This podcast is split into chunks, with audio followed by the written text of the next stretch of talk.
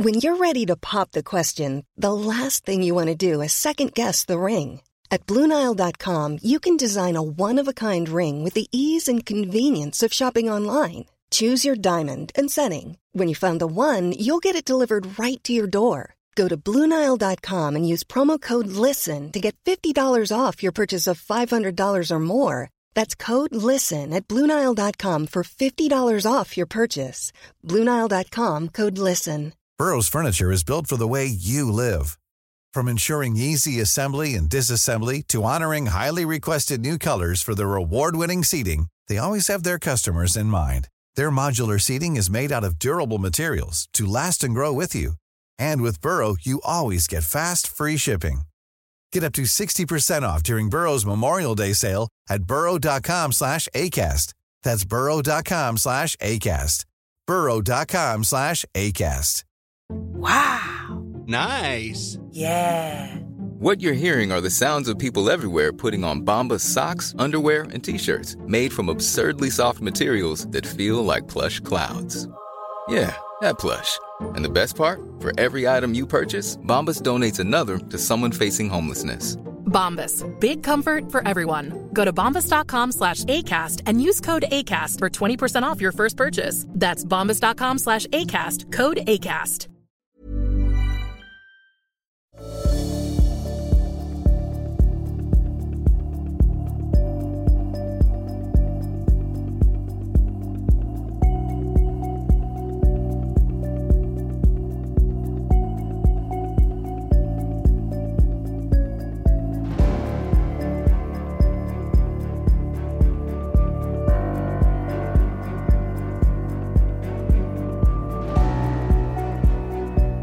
Du lyssnar på podcasten Samtal, en podcast med fokus på fria samtal. Den här podcasten presenteras av tidningen Bulletin. Om du vill få tillgång till samtal sju dagar före alla andra så kan du gå in på www.bulletin.nu och bli prenumerant. Då får du också ta del av hela Bulletins premiumutbud. Kom ihåg att Bulletin också finns som app till både iOS och Android. Länkar hittar du i beskrivningen till det här avsnittet eller på min hemsida www.samtal.ax. Jag släpper nya samtal alla onsdagar året runt och jag tar tacksamt emot tips ifall det finns någon du vill höra i podden. Idén bakom podden är att fokusera på fria samtal. Jag tror att öppenhet är grunden för det demokratiska samtalet och jag vill uppmuntra dig som lyssnar att exponera dig för samtal med någon du inte håller med. Jag heter Jannik Svensson och du lyssnar på podcasten Samtal. Dan Korn är opinionschef på Bulletin. Han är rabbin, författare och fotograf. Han har skrivit böcker om främst svensk kulturhistoria. Välkommen hit Dan Korn. Tack ska du ha. Jättekul att ha dig här. Jag har ju velat ha dig här jättelänge och nu är vi kollegor på Bulletin och då är det jättelätt att få tag på dig. Mm, ja, det var kul. Det är det som är en, en eh, fördel. Men alltså de flesta, de känner ju dig kanske som samhällsdebattör för att du har skrivit mycket kontroversiella texter. Är jag rätt ute eller är jag för ung? Nej, alltså du är väl rätt ute för vad jag är numera, men eh, eh jag har ju varit med länge om man säger så. Och jag började, jag började redan som tonåring eh, att eh, jag skrev min första bok när jag var 19 år. Jag var det. Eh, och då, på den tiden så handlade det om eh, andra saker. De var inte lika kontroversiella. De strök mera medhårs kan man väl säga. Men de skildrade människor som få kände till fanns i Sverige. Det fanns på um, 70-talet så fanns det en ganska utbredd uppfattning som jag stötte på att um, som, jag känner igen den i, i vår tid nu när människor pratar om åsiktskorridoren. Får man lov att tycka så här? Får man lov att, på den tiden handlade det om, får man lov att leva så här? Och den frågan var, får man lov att leva i Sverige utan att ha väg fram till huset? Får man lov att leva i Sverige utan att ha elektrisk ström, utan att ha telefon? Um, och jag dokumenterade människor som gjorde det. Men jag, jag vet att det, alltså, när, den, när en, en av mina böcker kom ut, den som väckte mest uppmärksamhet på Bygda, hette den, kom 1985, så fick jag den här frågan ganska många gånger. Är det verkligen, blir man inte intagen på någon institution om man lever så? var det många som trodde. Det blev man ju så tur var det inte, men det visade kanske lite på samhällsklimatet att folk trodde detta. Mm. Mm. Men du har skrivit 18 böcker. 20? 20 böcker och det är den ja. tredje vi pratar om nu på Bögda. Ja, just det. Just det. uh, står det bara 18 på någon lista du har eller? Ja, jag kollar på din hemsida. Du kanske har glömt att ja. uppdatera den. Ja, ja, den, min, ja, ja, ja, det har jag aldrig, aldrig tid med. Jag har, nog, jag har inte varit inne på min hemsida själv på jag vet inte hur många år. Så att det, den, den ska du inte lita på. de, första, de första 18 verkar stämma i alla fall. Men 1981, hur gammal var du då? Då var jag 19 år. Du var 19 år alltså, okej. Okay. Mm. Uh, och, och, då hackade du fram den här på skrivmaskin, utgår jag ifrån. Ja, det gjorde jag. Den eh, producerades ju under åren innan dess. Den, jag hade den som eh, skol, eh, sån här um, specialarbete på gymnasiet. Man skulle lämna in ett specialarbete. Det, det var manuskriptet till mitt specialarbete utökat som jag, jag, använde. Det var ju precis som du säger, man, man satt vid skrivmaskinen och hackade fram och sen så um, gick man med det till sättning och så var det då en människa som satte texten och så kördes den ut i långa remser och så skulle det klippas och klistras eh, upp och med plats röd eh, tejp som lades in där man sen då man fotograferade av detta och den här röda tejpen blev då ett, ett, på ett negativ som man då tog så blev det alltså en, ett vitt fält där man kunde lägga in bilder då. Som alltså, det var ett klippa och klistra jobb på den tiden. Det är helt otroligt. Också att du 19 år gammal när du skriver en bok om tradition och gammaldags liv i socknarna Råda, Landvetter, Härryda, Björketorp och Bollebygd. Ja. Hur lillgammal är man? jag, var lill, jag var ganska lillgammal på den tiden. Jag var... För, föddes, ja, föddes du med skägg och den där hatten du har på dig? man kan säga att jag har, vissa människor eh, växer liksom i åldern med tiden. växer in i det. Jag, ja, Per Goodman brukar ju kalla dig för eh, enmansuniversitetet från Manchester. ja, jag, ja, enmansuniversitet. Jag brukar säga att jag, jag har ju ingen formell utbildning egentligen. Det enda jag har är att um, Ja, det har inte det heller. Jag skulle sagt att jag har ju, att jag är utbildad, att jag har ju då titeln rabbin, men är, även där är jag faktiskt självlärd till största delen. Jag, jag gick några år på sån här skola när jag var ung, men sen efter det har jag huvudsakligen självlärd där också. Så, så att jag brukar typ... säga om det där med att jag är Edenmans universitet, det är jag ju inte. Jag har bara läst en massa böcker, så, så är det. Det är intressant, men alltså du har bara gymnasieutbildning med andra ord? Ja, jag, jag gick väl ett par månader på universitetet innan jag hoppade av. Ja, nej det är, det är faktiskt imponerande. Det är, det är inte konstigt att, eh, alltså att du har blivit som du har blivit om du har läst så mycket böcker som du har gjort. Jag menar när man är 19 år och skriver en bok om, om eh, tradition och gammaldags liv i små socknar, då, då måste man ha läst ett antal böcker. Hur många böcker har du läst tror du? Ingen aning, men alltså där, där berodde ju inte, det var ju inte materialet från böcker det jag skrev då. Det var ju att jag hade varit ute i stugorna och, och pratat med folk eh, framförallt. Eh, cyklade på den tiden runt, runt i de här socknarna och och pratade med gamla människor och intervjuade, skrev upp i som anteckningsbokböcker som jag fortfarande har kvar, där jag då skrev ner vad de berättade och, och, och omvandlade det sen till text. Fotograferade människor när de gjorde olika saker, eh, hantverk och eh, klädsdetaljer och sånt där. Alltså där. Det, det, var sånt som jag dokumenterade i den där boken. Jag, jag, jag tog en kurs i folkdans bara för att kunna uppteckna eh, folkdanser efter folk som, som mindes dem.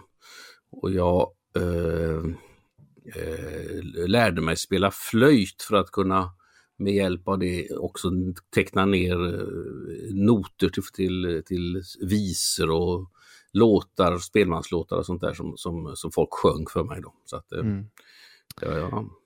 Uh, ja, du, du, verkar ju ha, alltså när man kollar på, på dina böcker så verkar det ju som att du har ett västgötskt perspektiv på nästan allt du gjorde de första 20 åren av din skrivkarriär. det stämmer. det stämmer. Och du är, du är, är född och uppvuxen i Göteborg. Jag är född i Göteborg. Jag är uppvuxen utanför Göteborg i Mölnlycke. Ehm, och, ehm, jag får väl berätta för dig hur det Gärna. gick till när, när jag blev så Eh, bestämde mig så för Västergötland i allting. Och det berodde på att jag började ju liksom då jag, som tonåring och besöka folk som levde på gammalt vis i, och folk som kunde berätta om hur det var förr och sånt där i min egen hemsocken. Och så när folk eh, tipsade mig om mm, folk som kunde vara intressanta för mig att träffa i grannsocknarna så fick jag liksom utöka mitt område för min hembygd då så att säga. För jag trodde ju att, att man vill ju gärna tro att man håller på med något som andra har definierat för en och då jag trodde att jag höll på med hembygdsforskning. Och då fick jag helt enkelt utöka min hembygd och då kom jag på en cykeltur som jag gjorde till eh, affären i Snugga i Landvetter. Det var en märklig affär. Där såldes varorna över disk.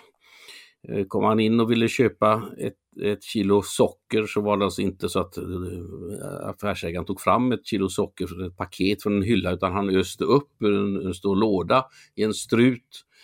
Eller en påse var det nog förresten. Eh, eh, vägde upp sockret då, eh, sökert som, som, som man sa, eh, i, på, det, på, på, på, på vågen. Och så, många saker såldes alltså i lösvikt på det här viset. Eh, handlaren gick med käpp. Hans fru gick med käpp och så hade de en expedit anställd som inte var så gammal som de var. Men hon gick också med käpp för hon var lite, lite lytt. Hon tog seden dit Hela- hon he- kom. Ja, hela, hela personalen gick med käpp. Sen var det så att om du kom in där, som jag gjorde då när jag var ute och cyklade och ville köpa en läsk eller sånt där för att jag var törstig, jag hade cyklat långt, det gick bra. Men om du skulle köpa några mera färska varor som till exempel eh, frukt eller eh, bröd eller något sånt där, det gick inte. Därför att det var ju så en liten kundkrets så att eh, den hönökakan där skulle ju de ju ha upp till åsen och, och, och det brödet där det skulle ju det skulle de förmodligen komma att köpa ifrån, ifrån en annan gård. Alltså, de visste precis vad, vad, vad deras normala kundkrets ville ha och det var så att du liksom störde de cirklarna så ställde du till det, ja, så det kunde du liksom inte köpa då. Honung sålde de som eh, handlaren själv Eh, producerade, han hade eh, bikuper och han hade bikuper av halm. Det är faktiskt enda gången jag har sett det. Den gammaldags typen av bikuper var av halm.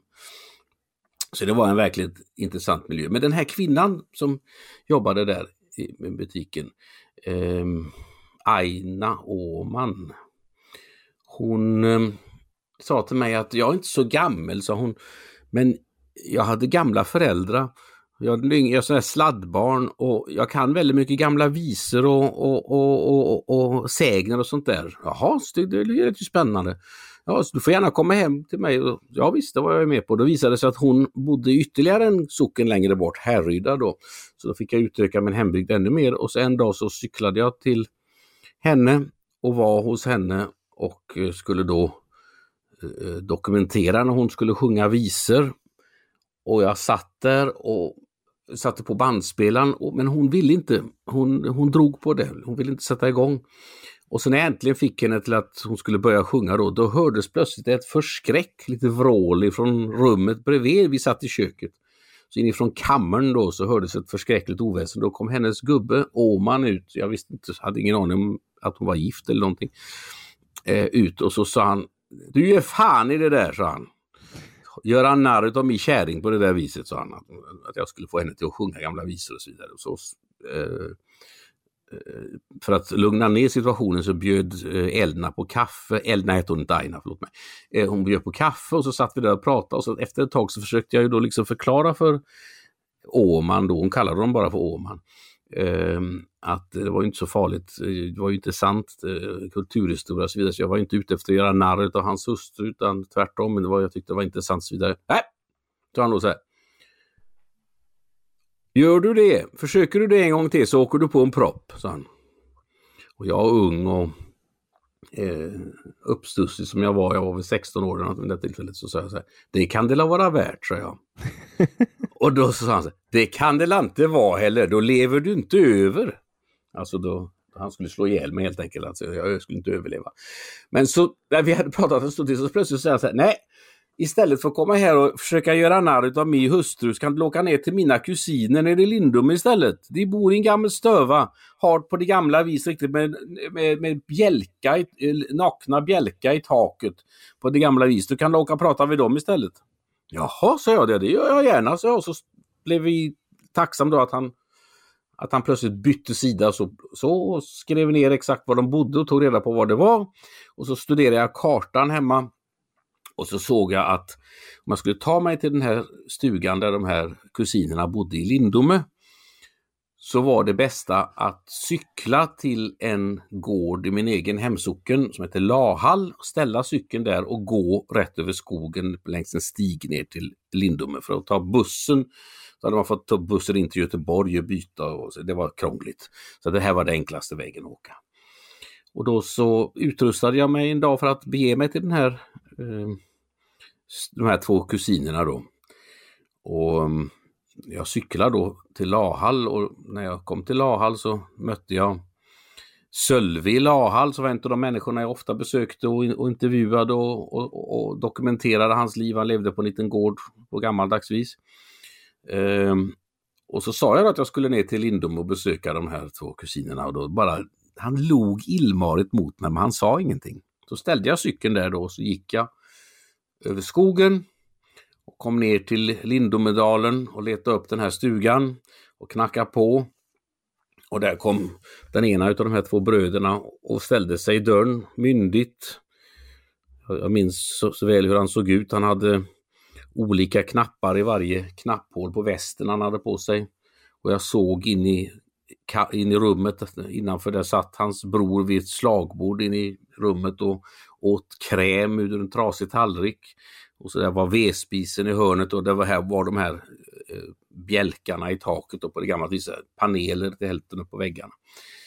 Eh, och så berättade jag då vad jag ville och det, de var precis lika buttra och tvära som kusinerna uppe i Härryda, Åman, så de mer eller mindre kastade ut mig. Och jag Moloken då tog mig hem igen genom skogen och kom på eftermiddagen då tillbaka till Sölve i Lahall och då frågade han så här, ja hur gick det? sa Sölve till mig då. Så här. Ja det gick inget vidare så jag de kastade ut mig. Och då så sa Sölve, ja det kunde jag ha sagt till dig på förväg, i förväg, det vet du att du inte ska lita på hallänningar. Och vad jag inte hade tänkt på, men vad som Sölve hade helt klart för sig, att när jag hade gått där genom skogen ifrån Lahall till, till, ner till Lindomedalen så hade jag gått över landskapsgränsen mellan Västergötland och Halland. Och för Sölve, trots att han bodde i Göteborgs och Bohus län och trots att han bodde alltså precis intill eh, landskapsgränsen så var det så kristallklart att han var västgöte och inte hallänning. Och hallänningar de skulle inte lita på, det var en annan sorts folk. så där fick jag som ung då inpräntat i mig att eh, det är skillnad på, på folk i olika landskap. Även om det alltså är så att eh, eh ja, man, alltså man kan se det. Om man åker ifrån där jag är uppvuxen då, Mölnlycke och åker bara ett par mil norrut så börjar jag få på prata bohuslänska, det är en helt annan sorts dialekt norr om Göteborg. Va? Åker man söderut så behöver man inte åka särskilt långt söderut förrän, förrän halländskan tar över med, med, med typiskt, alltså lite så här skån, eh, skarande och sånt. Men om du däremot åker från min hembygd Råda, där de gamla människorna pratade västgötska, de yngre generationen pratar göteborgska på grund av påverkan från Göteborg numera. Men också om du åker lite längre åt Borås till längre inåt Bollebygd där folk fortfarande pratar västgötska.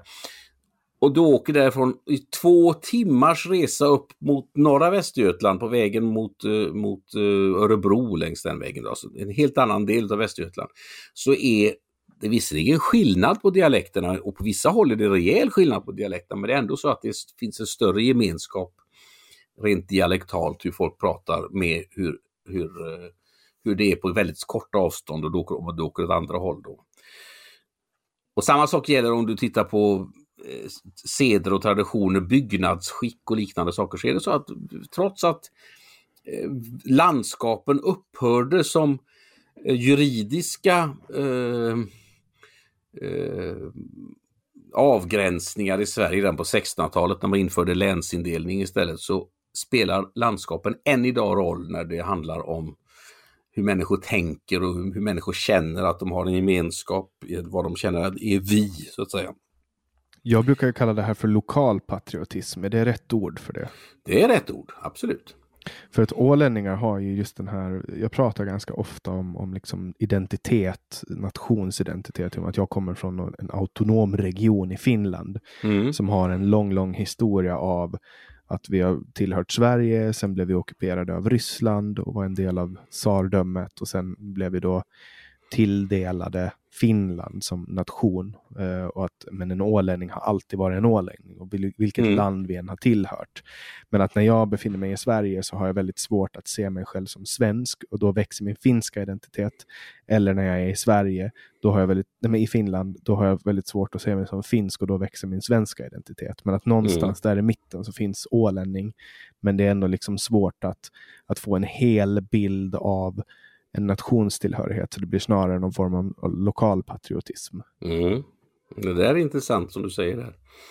Um, eh, jag har en god vän som liksom mig är uppvuxen i Göteborg och liksom mig har utvandrat och liksom mig är ortodox jude. Eh, och vi, har träff vi träffas då och då. Vi, han bor idag i New York. Eh, och eh, vi har träffats flera gånger när vi samtidigt har varit i Sverige på besök. Hans pappa bodde i Sverige i många år och jag har min, min mamma ju i, i, i Sverige. Och vi har träffats sen på andra håll i världen i, när jag har varit i USA eller, eller när han har hälsat på mig här i England eller så. Och då så vid ett tillfälle så konstaterade jag det, så kom jag på en sak. Då. Har du tänkt på en sak, sa jag till honom. När vi träffas utanför Sverige så pratar vi svenska med varandra. Men när vi träffas i Sverige så brukar vi nästan alltid prata jiddisch med varandra. Vi har de här två språken gemensamma och det är fullständigt självklart att när vi båda är i Sverige så identifierar vi oss som den minoritet vi är då. Va? Men när, när, när vi är utanför Sverige då identifierar vi oss med det som förenar oss, att vi båda är svenskar. Så Det är lite grann samma sak där då som, som, som du, när du kommer till Sverige så är du finne och när du, är- när du är i, i Finland så är du svensk då. Ja, men jag är aldrig Mm. rysk. Även om min farmors, eh, min pappas, min farfars mamma föddes ju officiellt då i Ryssland. Mm. Eftersom Åland då var en del av uh, tsardömet. Mm. Ehm, men men eh, det, fin- ja, det finns liksom inget ryskt där. Men, men det är ju alltså att ha en sån här eh, minoritet. Alltså vi är ju en minoritet, vi ålänningar. Vi är ju svenskspråkiga finländare. Mm. Eh, och, och på samma sätt så tillhör ju du en, en minoritet som, som eh, judisk svensk. Mm. Hur, hur, kom, hur kommer det sig att, att ni kom till Sverige, din familj? Ja, det fanns en man med en liten mustasch på 30-talet, 40-talet som såg till att eh, vi kom till Sverige. Var, Eller som var, såg till att min pappa kom till Sverige rättare sagt. var, var ehm, bodde han innan då? Eh, I Wien. I Wien? i Österrike. Och eh, mina, min farmors och farfars, ja min farfar var född i, i det vad som numera är Ukraina, men som, när han föddes så var det ju en del av det Habsburgska imperiet, så han flyttade ju inom samma land när han flyttade till Wien. Um, och samma sak var det med min farmor, hon var född i vad som idag är Polen. Men också där var det ju så att det, det, det tillhörde ju Galizien, det var en del utav, utav um, det gamla Habsburgska imperiet. Så att även hon och hennes föräldrar flyttade till Wien 1890. Ja, hon var, hon var född i Wien, hennes föräldrar flyttade till Wien på 18, eh, 18, 1890-talet någon gång innan hon föddes. Ehm, Vilka år kom, kom, eh, kom de till Sverige? Ja, min pappa eh, var med. Det var så här att 1938 så, så eh, började en norsk man som hette Odd Nansen. Han var son till den gamla upptäcktsresanden Fritjof Nansen. Han insåg vad som höll på att hända. Eh, han insåg Hitlers planer på, på att eh, mörda Europas judar. Så han försökte rädda så många han kunde. Han ordnade 1938 att 20 judiska barn kunde komma till Norge. Det var allt vad norrmännen tillät så att efter det så ordnade han som kallade kindertransport, kallas det, alltså barntransport med en mängd judiska barn som kom till eh, Storbritannien under de Eh, kommande åren. Men min pappa ingick bland de här 20 första barnen i den här eh, gruppen som kom till, till, till Norge. Och orsaken till att min pappa ingick i den gruppen det var att han och hans tvillingbror som fortfarande lever eh, eh ingick i den gruppen. Och orsaken att just de ingick i gruppen berodde på förmodligen på att den sekreterare i judiska församlingen i Wien som fick den här förfrågan om de här barnen på sitt bord var min pappas morfar. Mm. Han, i, i den här, han skulle då välja ut de här barnen och han in, valde då ut sina två favoritbarnbarn att ingå i den här gruppen. Så de kom till Norge 1938 någon gång på början på sommaren efter att eh, Anschluss hade ägt rum, alltså att eh, tyskarna hade ockuperat eller, eller annekterat, det var det snarare, eh, Österrike. Ehm, och sen så upprättades ett barnhem där de bodde i, i Oslo. Och 1942 så var det en särskild räddningsaktion från den norska motståndsrörelsen när eh, tyskarna eh, deporterade de norska judarna till Auschwitz. Så var det en särskild räddningsaktion för de här barnen som de kom efter många om och men och många strapatser till Sverige. Mm. Eh, och hur, hur, kom de in i Sverige? Var det, liksom, var det här innan man började stämpla pass? Ja, eh, de, hade ju, de, var, de var statslösa. Alltså när de lämnade Österrike så ogiltigförklarades automatiskt, så var det med alla judar som lämnade eh, Tyskland, alltså det tyska området, som då, då ogiltigförklarades deras pass och uppsades deras medborgarskap. Det var ju därför som alla, eh, alla förintelseläger förlades till eh, Polen. Ah. Eh, för att när de deporterades från, från Tyskland, de tyska judarna deporterades från Tyskland till Polen så fråntogs de samtidigt sitt tyska medborgarskap. Eh, för att även tyskarna eh, var noga med, med sånt där att man kan, inte lika av, man kan inte avliva sin egen befolkning så du måste först ta från dem medborgarskapet innan du kan göra det. Mm. Men de kom till Sverige via, de låg först gömda i en villa utanför Oslo i två veckor. Efter att de då hade flytt från det här barnhemmet bara ett par timmar innan. Hur gamla var de då? Jag ser, de var lite olika ålder. Min pappa var bland de äldsta och han var född 1929 och detta är 1942 så han var alltså 13 år. Mm. Han minns det tydligt då? Ja, ja, han, det, det, var liksom ett ständigt samtalsämne när jag växte upp, den här flykten och alla de här, de här eh, detaljerna i den berättelsen. Alltså, de låg gömda då i en villa utanför Oslo. Sen så delades de upp i två grupper och min pappa ingick i den första gruppen. Och de, de fördes då med en taxi. De låg på golvet för att de inte skulle synas i en, i, i en taxibil eh, och körde med föreståndarinnan från barnhemmet. Hon åkte ju då med som passagerare i bilen. Eh, så nära gränsen man kunde köra. Och där kom de till en gård. Och där var det meningen att de skulle vandra över gränsen samma eftermiddag som de kom fram. Detta är alltså i ehm, eh, början på december 1942, så det var ju inte, det var inte ljust särskilt länge. Men eh, när de kom dit så sa bonden på den här gården att han skulle eh, slakta en, han var sån här bygdeslaktare, så han skulle slakta en gris nästa morgon hos en granne. Och var det så att han kom, inte kom i tid då så skulle ju grannen kanske misstänka att han ägnade sig åt sån här, eh, att han smugglade människor över gränsen. Så han vågade inte gå den dagen så att istället fick de sova över i en lada i skogen där nära gården. Och ehm, det var nog tur att de inte gick för att den natten snöade det något väldigt så att de, när de vaknade nästa morgon så det var ju ganska tunna eh, bräväggar i den där ladan så var de täckta av snö när de hade legat i höet där och sovit på natten. Men så nästa dag så gick de över gränsen då i åtta timmar eh, längs en särskilt upptrampad stig. Eh, men den fick de ju, det hade ju snöat på natten så den fick de ju trampa upp på nytt då givetvis. Och när de kom nästan fram till gränsen så bytte de eh, lots då på en gård och sen så kom de över på den svenska sidan och de blev visade, där i Sverige. De kom över och blev välkomnade av en länsman där som sa välkomna till Sverige och så vidare. Och de, de sov över hos en skollärare där i Sverige uppe i Värmland och så går de första natten och sen blev de förda till en, en flyktingförläggning.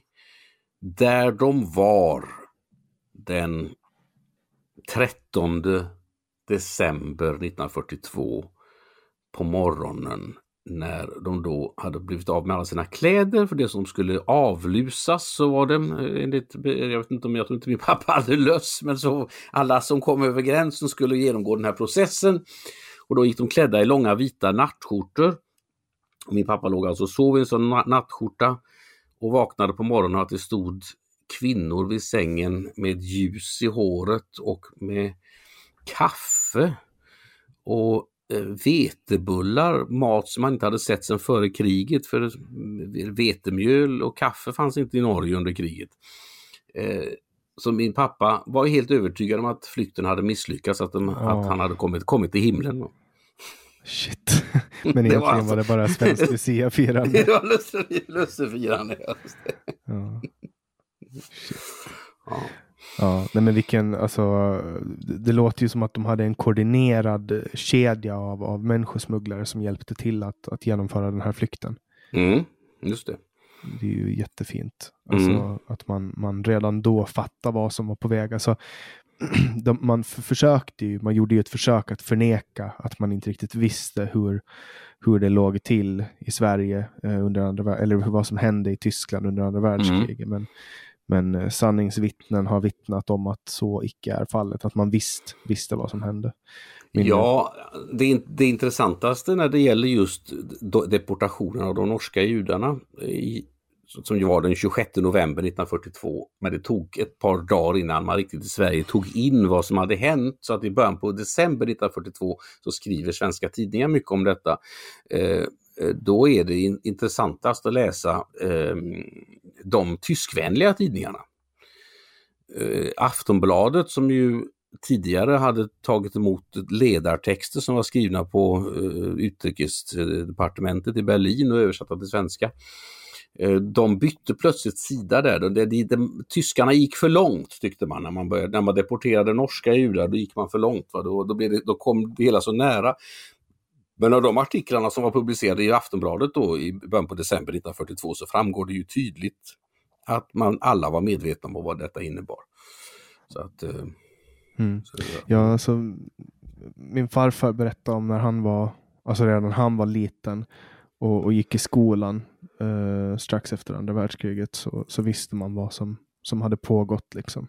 Mm. Eh, och lyssnar man på, på vissa idag verkar vilja påstå att man inte alls hade någon aning om vad som hände under andra världskriget. Och det är en ständigt pågående konflikt. Vad, vad hände egentligen? Men mm. lyssnar man på sanningsvittnen så verkar det ju vara en ganska entydig bild att, att man visste. Det intressantaste där är väl nästan eh, om man ser Eh, också just en, en, tysk vän, Sven Hedin, som ju var nära vän med eh, Hitler och, och Mussolini, eh, inte Mussolini, förlåt, Göring menar jag. Ehm, och som skrev efter kriget en bok där han berättar om sina förbindelser med, med de här tyska högdjuren.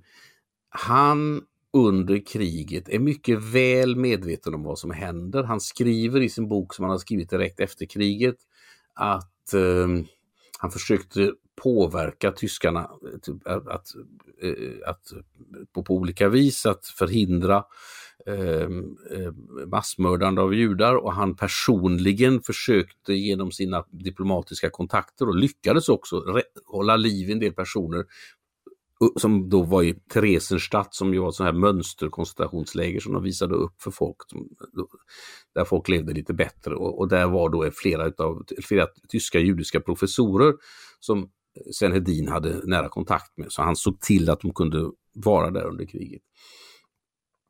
Men efter kriget bara något år efter kriget så, så börjar han säga att det här med koncentrationsläger det är en propagandabluff och det är lögn alltihop.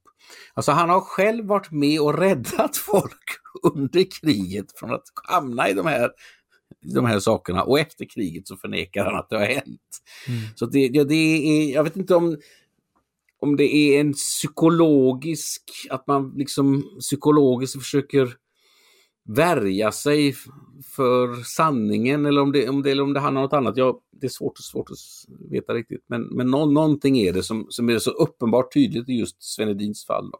Mm. Men han blev aldrig, han blev aldrig liksom dömd för något brott? Nej, det var, blev han inte, men alltså han, han, blev ju, han blev ju persona non grata så att säga i Sverige efter kriget. Han, han var ju den, den stora folkhjälten före kriget och det var han inte efter kriget längre. Utan då. För han borde ju ha alltså, gjort sig skyldig till någon form av brott, tänker jag, med tanke på att han spred eh, propaganda och nazistpropaganda.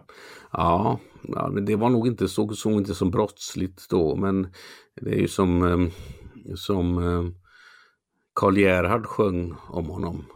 När han fjantar och stad på Unter den linden, i boklådsfönstren är hans bo böcker borta med vinden. Mm. Ja, nej men det är alltså Sven Hedin, eh, fallet Sven Hedin är intressant. Alltså han gjorde ju, han, han gjorde ju så extremt mycket saker.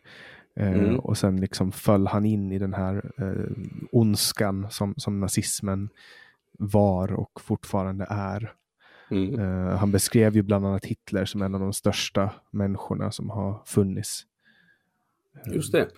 Han hade, han hade vissa principer som är intressant. Han, han skrev ju en bok som heter eh, Tyskland och världsfreden som han hade tänkt, han skrev den på svenska, och han hade tänkt att den skulle ges ut i eh, tysk översättning och spridas i en massupplaga. Alltså det tyska nazistpartiet skulle köpa in hela upplagan och dela ut den gratis till till alla tyskar. Och Det skulle ju bli, ge honom en fantastisk inkomst och han behövde de pengarna för att eh, han hade då precis kommit tillbaka från sin sista stora expedition bortåt Tibet och de här eh, ökenområdena där, Gobiöknen och det som han, han utforskade. Och han ville trycka eh, forskningsrapporten för, från den här resan och det skulle ju vara ett, ett jätteverk som inte alls skulle bli någon eh, ekonomisk framgång att tycka. Det skulle till och med istället kosta honom väldigt mycket pengar att ge ut det, men han tyckte det var viktigt. Och han ville finansiera detta genom att den här boken, då, en populär bok, eh, Tyskland och världsfreden, skulle då komma ut i den här massupplagan. Men i den boken så skriver han, han hyllar nazismen och Hitler och det nya Tyskland och allt detta, men han vänder sig mot viss form av antisemitism. Han kunde uttrycka sig mycket antisemitiskt själv, men viss form, där tycker han det gick för långt. Och där, där skriver han också i det samband med det att eh, han inte alls vill förneka att han själv till en åttondel eller vad det var för någonting hade judiskt blod i sina ådror och han var övertygad om att det var just detta blod som rann i hans ådror som hade hjälpt honom under hans strapatsrika färder i, i främmande länder. Skriver han något, något sånt där. Och de här raderna ville eh, Goebbels att de här får vi stryka om vi ska ut boken i Tyskland. Nej, sa eh, Senedin, det ska vi inte alls. Ja, den ska tryckas så som den är. Okej, okay, men då, då ger vi aldrig ut den. Så han gick alltså miste om miljonintäkter, som han, pengar som han mycket, mycket väl behövde för att han var principfast på den här punkten. Mm. Det låter ju som att det var hans ego som spökade.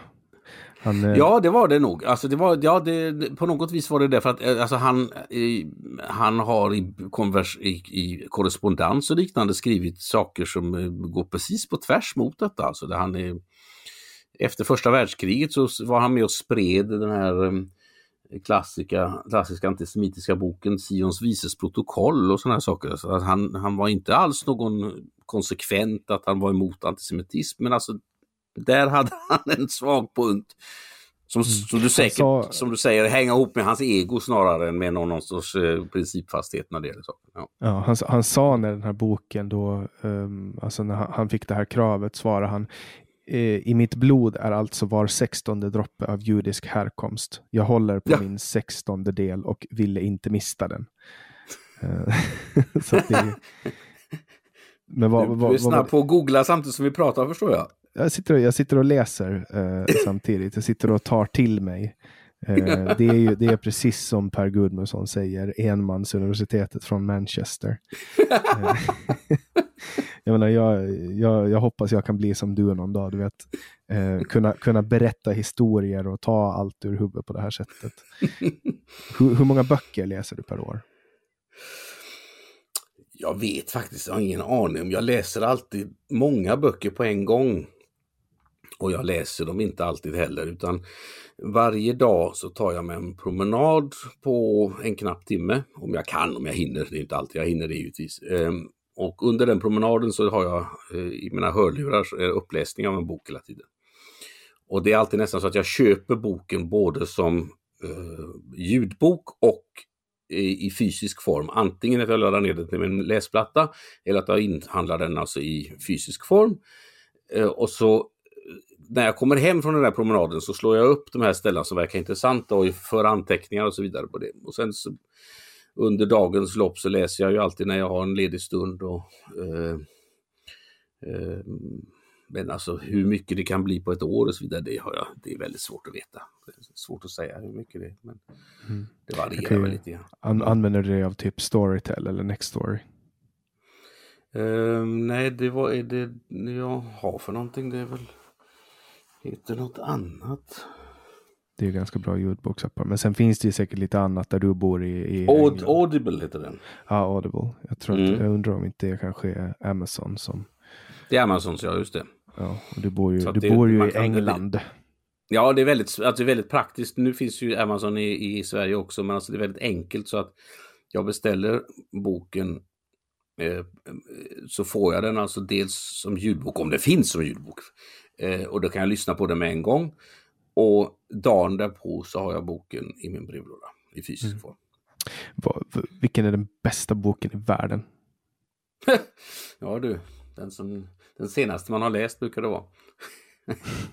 det är om, helt omöjligt att svara om, på. Om du skulle få tipsa, om, om du skulle tipsa mig om en bok som jag ska läsa, sen får jag aldrig mer läsa en bok. Vilken skulle vara det då? Ja, alltså jag är ju emot att man ska ha liksom bara en bok på det viset. Utan jag tycker att man ska ha ett rörligt intellekt och då ska man byta hela tiden. Men om jag skulle, det skulle vara en enda bok så skulle jag väl föreslå i så fall en bok som man kan läsa om hur många gånger som helst och kan tolka på 51 olika sätt dessutom. Och hitta djupare, djupare lager i hela tiden och som har betytt så oerhört mycket för, för mänskligheten, både på gott och ont får man väl säga. Och det är Bibeln då givetvis. Mm. Gamla testamentet. Eller? Ja, just det. Båda. Ja. Mm. Hur, ja, just, ja. hur, hur liksom fann du så djupt intresse för judendomen att du valde att utbilda dig till, till rabbin? Det berodde på att när jag var tonåring eh, Alltså jag kom ju från ett hem som är ganska typiskt eh, ja, traditionellt, men inte på något vis religiöst judiskt hem. Alltså vi brukade fira sabbat med sabbatsmiddag på fredag kväll och min mamma brukar tända ljus. Och så brukar vi fira vissa judiska högtider, till exempel det viktigaste judiska högtiden, då påsk. Och på påsken, den judiska påsken, så läser man alltid en, eh, eh, en bok alltså man läser boken som är liksom en text som handlar om uttåget ur Egypten, som man läser på eh, den första påskkvällen vid bordet. Det är en särskild måltid med massa olika symboliska handlingar och så läser man en text. Och min pappa var alltid noga med att den texten skulle läsas på svenska, inte som de flesta traditionellt gör på hebreiska, utan han ville att vi alla skulle förstå. Um, och vid något tillfälle när jag var 13, 14, 15 kanske. Så under den läsningen så började jag tänka och så tänkte jag av att i konsekvens av detta så borde jag intressera mig mer för min egen judiska bakgrund och studera detta lite djupare och bli lite mera observant. Vad det var jag läste minns jag inte längre. Men jag minns att det, det hände någonting under en sån här um, kväll när jag var i den åldern som gjorde att jag uh, liksom tog det steget. Och sen det var det väl en fråga om att jag successivt närmade mig detta, blir lite, alltså bit för bit, Mer intresserad och mer observant och så vidare. Och det tror jag är den väg som man bör gå till väga på om man har ett sånt här intresse, vad det än är för att undvika att man blir eh, fanatisk eller går för, går för snabbt in, in, in och sånt där. Och det, det, alltså det, det, finns ju alltså i, i, i religion så finns det ju uppenbara risker för, för alla möjliga sorters sextänkande och, och fanatism och sådana där saker. Så att eh, jag har ofta sen i senare i mitt liv när människor har velat gå samma vandring som jag gjorde den gången så har jag varnat dem gå, ta det gör det inte för fort. Ta, gör det långsamt. Mm. Så, men du hade en stark judisk identitet hemifrån då, utgår jag ifrån? Ja, det vet jag inte om jag hade. Alltså, jag har många gånger tänkt på det, alltså hade, hade jag inte fattat det här beslutet då så vet jag, vet jag 17 om jag hade överhuvudtaget brytt mig om någonting av mitt judiska, min judiska bakgrund idag. För att jag menar, jag är ju för övrigt så integrerad och inne i det, i det, allt det svenska och så vidare. Jag menar, jag hade lika gärna kunnat, min mamma har ju, har ju konverterat till judendomen, alltså på hennes sida så härstammar jag ju själv från Sverige sen, så vitt jag vet, sen urminnes tider. Jag tror jag hittade någon, den äldsta förfadern jag hittat på min mammas sida var någon eh, från tillbaka på 1500-talet i Bohuslän. Så att, så att eh, jag har ju de djupa rötterna också som jag hade lika gärna kunnat, kunnat bejaka om jag hade velat. Va? Som ju kan man säga, men jag har bejakat genom mitt, mitt, mitt liv för övrigt också då. Vad, vad skulle du säga att det är liksom typiskt judiskt? Jo, det jag ska... Det, alltså jag, jag, jag hade säkert sagt något annat om du hade varit, frågat mig för några dagar sedan och jag kanske säger något annat om du frågar mig nästa vecka. Men just nu så kretsar mina tankar väldigt mycket kring skillnaden mellan kristendom och judendom. Den viktigaste skillnaden är synen på Adam och Eva. Synen på vad de gjorde, för att i kristendomen så är detta att de åt av den, för, alltså den förbjudna frukten, frukten från kunskapens träd, det är, förknippat med en tragedi, syndafallet. Att de var tvungna att lämna den paradisiska tillvaron och vandra ut i världen och det var liksom Guds straff som föll över dem sen. Eh, att de måste arbeta hårt i sitt anletes svett och kvinnan måste föda sina barn i, i, i smärta smärta och sådana saker som står i, i, i Gamla Testamentet där i början. Den judiska synen på detta var att det var ingen tra tragedi. Det, det som hände måste hända. Det, det, var, men det var liksom ingen tragedi egentligen, men, men det var så, det var så att, att Adam och Eva de var liksom tvungna att begå en synd för att lämna paradiset, för därmed börjar vårt liv på jorden. Och detta med att de måste arbeta hårt och kvinnan måste föda sina barn i smärta. Så vidare. Tillvaron i världen är smärtfylld och arbetsam, men den får mening. Om vi inte hade haft detta, om vi hade varit kvar i paradiset så hade vi levat i en meningslös tillvaro där, där allting finns, men där vi inte har någon funktion att fylla, där vi inte kan uppnå någonting. Det är livet utanför paradiset som blir meningsfullt för vi kan uppnå någonting och därför ur judiskt perspektiv så var inte detta en tragedi på samma sätt som det var i kristendomen. Men där finns en intressant grej och det har att göra vad jag precis just nu håller på att fundera på och läser om. Att i kristendomen så ser man ju detta att i och med att Adam och Eva syndade i paradiset så finns det en nedärvd synd, en arvsynd.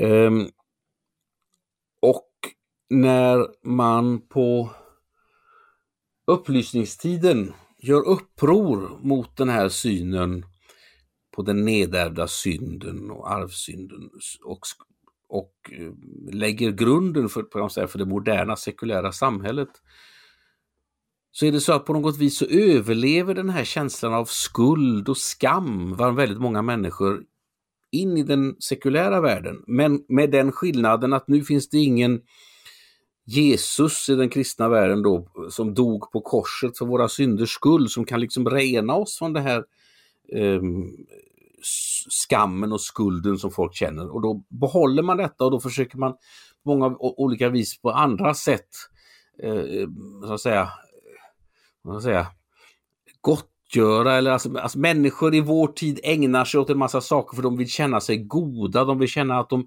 gör något gott för tillvaron och de, tack vare detta så gör de väldigt många goda saker också. Men ibland kan det slå över i en sorts um, självhat som präglar vår moderna civilisation i väldigt hög grad. Jag tror att det bottnar i den här skillnaden mellan synen på Adam och Eva där faktiskt. Och, rent kulturellt då? Vad, vad, vad, vad utmärker en jude rent kulturellt? Ja, alltså det är, det, är, det, är ju inte, det är inte så enkelt att man kan säga det egentligen därför att det är väldigt skillnad på, alltså på, det är skillnad på ja, Om du frågar en antisemit då är det jättelätt. ja, då är det jättelätt. Ja, just det. Mm. Ja, um, um, jo, då håller vi allihop samman och vi kämpar med ett gemensamt mål. Men frågar du, det finns en, det finns en sån där klassisk judiskt skämt. En, en eh, båt som seglade fram i Stilla havet någonstans och kom förbi en liten ö och fick eh, uppmärksammat på att det var någon på ön som viftade med händerna. Det var, det var någon eh, överlevande från ett skeppsbrott som levde ensam på den här ön. Så att eh, de stannade ju sitt stora fartyg givetvis, släppte ut en, en, en, mindre båt och tog sig till den här ön och Eh, mötte då en man som hade levat där i många, många år, som någon Robinson Crusoe då och överlevt ett skeppsbrott som han har råkat ut för. Och innan de lämnade ön, innan de skulle rädda honom, det, visade sig att det var en judisk man. Och han visade då, han hade anläggt odlingar, han hade fångat djur som han hade gjort tama, han hade levt där många år och liksom organiserat sig. Så gick de och tittade på hus då, ett hus där han bodde. Och så var det en laggård, så var det en lada. Och så var det några andra hus och då frågade de vad är det för hus? Och sa han, ja det, det där är min synagoga, sa han. Där går jag och ber varje dag. Jaha. Och det andra huset bredvid Ja, det är också en synagoga. Jaha, behöver du verkligen två synagogor? Sa, sa de då. Ja, för den andra synagogan, där vägrar jag sätta min fot. Sa han. alltså, konflikten är liksom, vi måste ha en konflikt med varandra. Man, ja. man brukar, de brukar säga det på skämt att det, finns det två judar så finns det tre åsikter. Va? Alltså att vi är inte så bra på Ja, men det, det vill ju aldrig, om man ser det på antisemiter, de vill aldrig förstå den biten att det kan vara en väldig skillnad, det kan vara en väldig oenighet mellan olika människor också. Så. Nej, för det går ju lite ut på att man klumpar ihop alla då till en rörelse eller mm. en idé. Mm. Eh, och så sätter man in massa attribut i det och sen liksom skyller man allting. Det är väl det som är antisemitism, att man, man skyller mm. allting. Och grunden till den moderna, alltså, eller 1900-talets antisemitism har väl att göra med att man, man sökte efter någon form av, av syndabock som man kunde liksom sätta all olycka på. Uh, och det var väl det som Hitler fångade upp när han liksom skapade sitt, sin bild av världen. Mm. Jo, då, jo så det är ju, alltså, grejen är att det, det blir ju självuppfyllande. Va? Det, det, är ju så att det till exempel många människor säger då att eh, ehm, ryska revolutionen var, var, det var judar som genomförde den ryska revolutionen. Då så säger man ja, men eh, Lenin var ju inte jude. Nej, det var han inte, men eh, det var andra runt omkring honom som var Trotskij till exempel. Jaha, men Trotskij och alla de andra judarna blev ju utrensade sen av Stalin och han var ju inte jude heller. Och då kan man gå två, ja, då säger man antingen att ja, egentligen så var det både Stalin och Khrushchev i hemlighet judar på något vis. Kan man, är en bit att man kan lösa det dilemmat då. Den andra biten är då att man säger nej, det är egentligen är det så att man, de här eh, förföljelsen som kommunisterna gjorde mot judar eh, har egentligen inte hänt. Det var bara för att liksom blanda bort korten. Alltså, vad man än säger så finns det alltid någon ny berättelse som visar att eh, att, att, det egentligen, att ja. egentligen så är det judarna bakom allting i alla fall. På något det finns en förklaring liksom. Mm. Och det är väldigt praktiskt att man har en förklaring som går att lösa. Alla, alla världens problem kan man skylla på en sak och, och det, är ju, det, är, det är väldigt smart och väldigt praktiskt på många vis. Man, jag förstår att det, det, att det är lockande för människor det är ju inte bara, det, är ju inte, det behöver inte bara ta sig uttryck i antisemitism, det finns ju andra sådana här saker som, som folk tar till. Att man liksom skyller allting som händer på en viss företeelse, man får liksom någon sorts besatthet av en viss folkgrupp eller en viss fenomen i vår tid och vidare, så där som, man, som allt eh, som går att skylla på. Tillvaron är ju mycket mer komplicerad än så. Och, och, men om man inte vill att tillvaron ska vara komplicerad, man tycker att det är lätt, så det är alltid väldigt frestande att hitta en sån här lösning givetvis. Det är lite det som är svensk politik idag. Eh, det är två olika läger som skyller på varandra. Vänsterblocket mm. skyller allting på kapitalismen och högerblocket skyller allting på socialismen. Mm. Och sen där inne så, så definierar fiender, åsiktsmotståndare, definierar den andra gruppens ideologi och tvärtom. Mm, just det. Eh, och någonstans så använder man ordet liberalism och applicerar det på alla. Ja, det liberalism är ett väldigt praktiskt ord att använda. Det kan man, för att det, det omfattar så oerhört mycket. Eh, och eh, det är ju en väldig skillnad på liberala åsikter och det liberala partiet.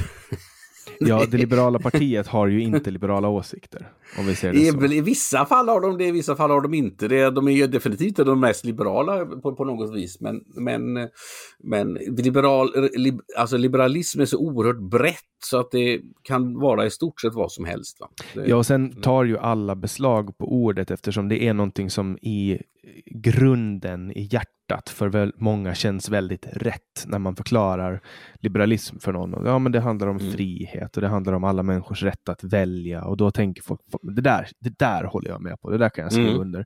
Som Mm. Centerpartiet till exempel säger att eh, följa att januariavtalet är det bästa sättet att garantera liberalism, medan Liberalerna säger att eh, inte följa ja- januariavtalet är den bästa formen av liberalism. Mm, och då är det två eh, som försöker liksom slåss om samma röster genom att Mm. definiera liberalism, men ingen pratar om frihet, därför att inget av alternativen är egentligen frihet för någon. Ehm, Ja, just det. Mm. Därför är det många klassiska liberaler då, som, som väljer att kalla sig för någonting annat och då har det blivit väldigt populärt att kalla sig själv för lib, eh, libertarian. Men även Mm. där har det börjat gå inflation i begreppet och det har börjat tas in nya liksom och, och eh, i USA så har ju ordet länge, länge, länge liberal betyder att man har varit vänster. Eh, Mm, just det. Så det där ordet är, det är liksom, det, är ständ, det går inflation i ordet liksom. Det gör det, det gör det. Jag tycker, eh, det, det fanns en, en kritiker av liberalism, heter James Burnham. Han har skrivit en bok med den ganska förfärliga titeln Suicide of the West.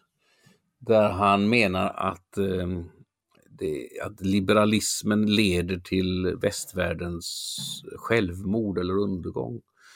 Men han, samtidigt så säger han att liberalism, han säger, han säger vid flera tillfällen att liberalism är något alldeles fantastiskt, jättebra. Men, säger han, liberal, liberaler får inte lov att styra ett land. De ska finnas där, de ska kritisera styret. Och de ska komma med sina höga ideal. Och vi ska lyssna på dem, men de ska inte vara i en styrande position för då går det åt skogen. Mm. Sen, beror det ju på, sen, sen tror jag att alla liberaler som, som kommer in i maskineriet, det parlamentariska maskineriet i ett system, alltid går vänsterut. Därför att de vill behålla det de har fått. De har smakat den förbjudna frukten, de vill behålla makten och de vill liksom genomföra sina reformer på sitt sätt. Och Mm. Eh, slutresultatet av det luktar alltid socialism på Mm. något sätt. Det, är- det är riktigt. Det är riktigt. Det är riktigt. Men hur, hur liberal är du? Alltså jag är ju jätteliberal när det gäller vissa saker och inte alls när det gäller andra saker. Alltså jag, jag är ju definitivt för människans eh, frihet och, och eh, jag är ju en stark kritiker av mångkulturalism, alltså ideologin om att det skulle vara, finnas något positivt i att vi skulle ha mångkultur. Men jag är ju i allra högsta grad förespråkare för människans frihet att själv få välja hur hon vill leva och det leder ju till mångkultur. Men en annan form av mångkultur då. Va? Eh, eh, Sveriges Alltså- mångkultur är ju inte mångkultur om, om vi börjar med att definiera Nej, det. nej, nej precis. Jag, jag anser att det ska finnas, alltså, jag, jag tar gärna, eh, jag tar gärna eh, tidningen Bulletin som ett praktexempel på detta i, i verkligheten. Alltså, det är tidningar i Sverige som har en fullständigt eh, genuint helsvensk redaktion pratar sig varma om, mång, om mångkultur. Det gör vi inte i Bulletin, men vi har en väldigt mångkulturell eh, redaktion istället. Mm. Och det är ju för att man någonstans eh, liksom förenas i tankar. Eh, och tankar är någonting som, som liksom går fritt genom människor på gruppnivå. Mm. Eh, det, är liksom, det, det finns ingenting, alltså om du tar alla judar i Sverige då kommer inte, du kommer inte att hitta eh, ett parti liksom. Som Nej, nej. Alltså, in skulle, alla skulle du sätta in alla dem i ett rum så skulle det sluta med explosion. Men det är alltså Sveriges mångkultur, det är ju liksom det är, ju- kollar man på den invandring som har skett i Sverige så är det ju jätte, jättemånga personer då som har islam som religion.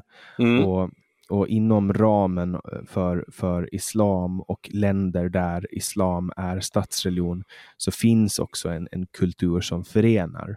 Mm. Eh, och när man har en väldigt hög eh, eh, immigration med, med personer med den här bakgrunden då, och kulturer kopplade till eh, islam, då kommer man ju att få en duokultur där vi har svensk kultur å ena sidan och sen har vi någon form av mellanöstern inspirerad kultur på andra sidan. Eh, och det blir väldigt svårt att genomföra det som folk pratar om då, alltså integration eller assimilation. Man ska komma ihåg att inom, inom, alltså, det finns vissa saker som behöver assimileras. Det var ju typ om det var inför valet 2013 som, som man höll på att ropa att det är nazism att prata om assimilering.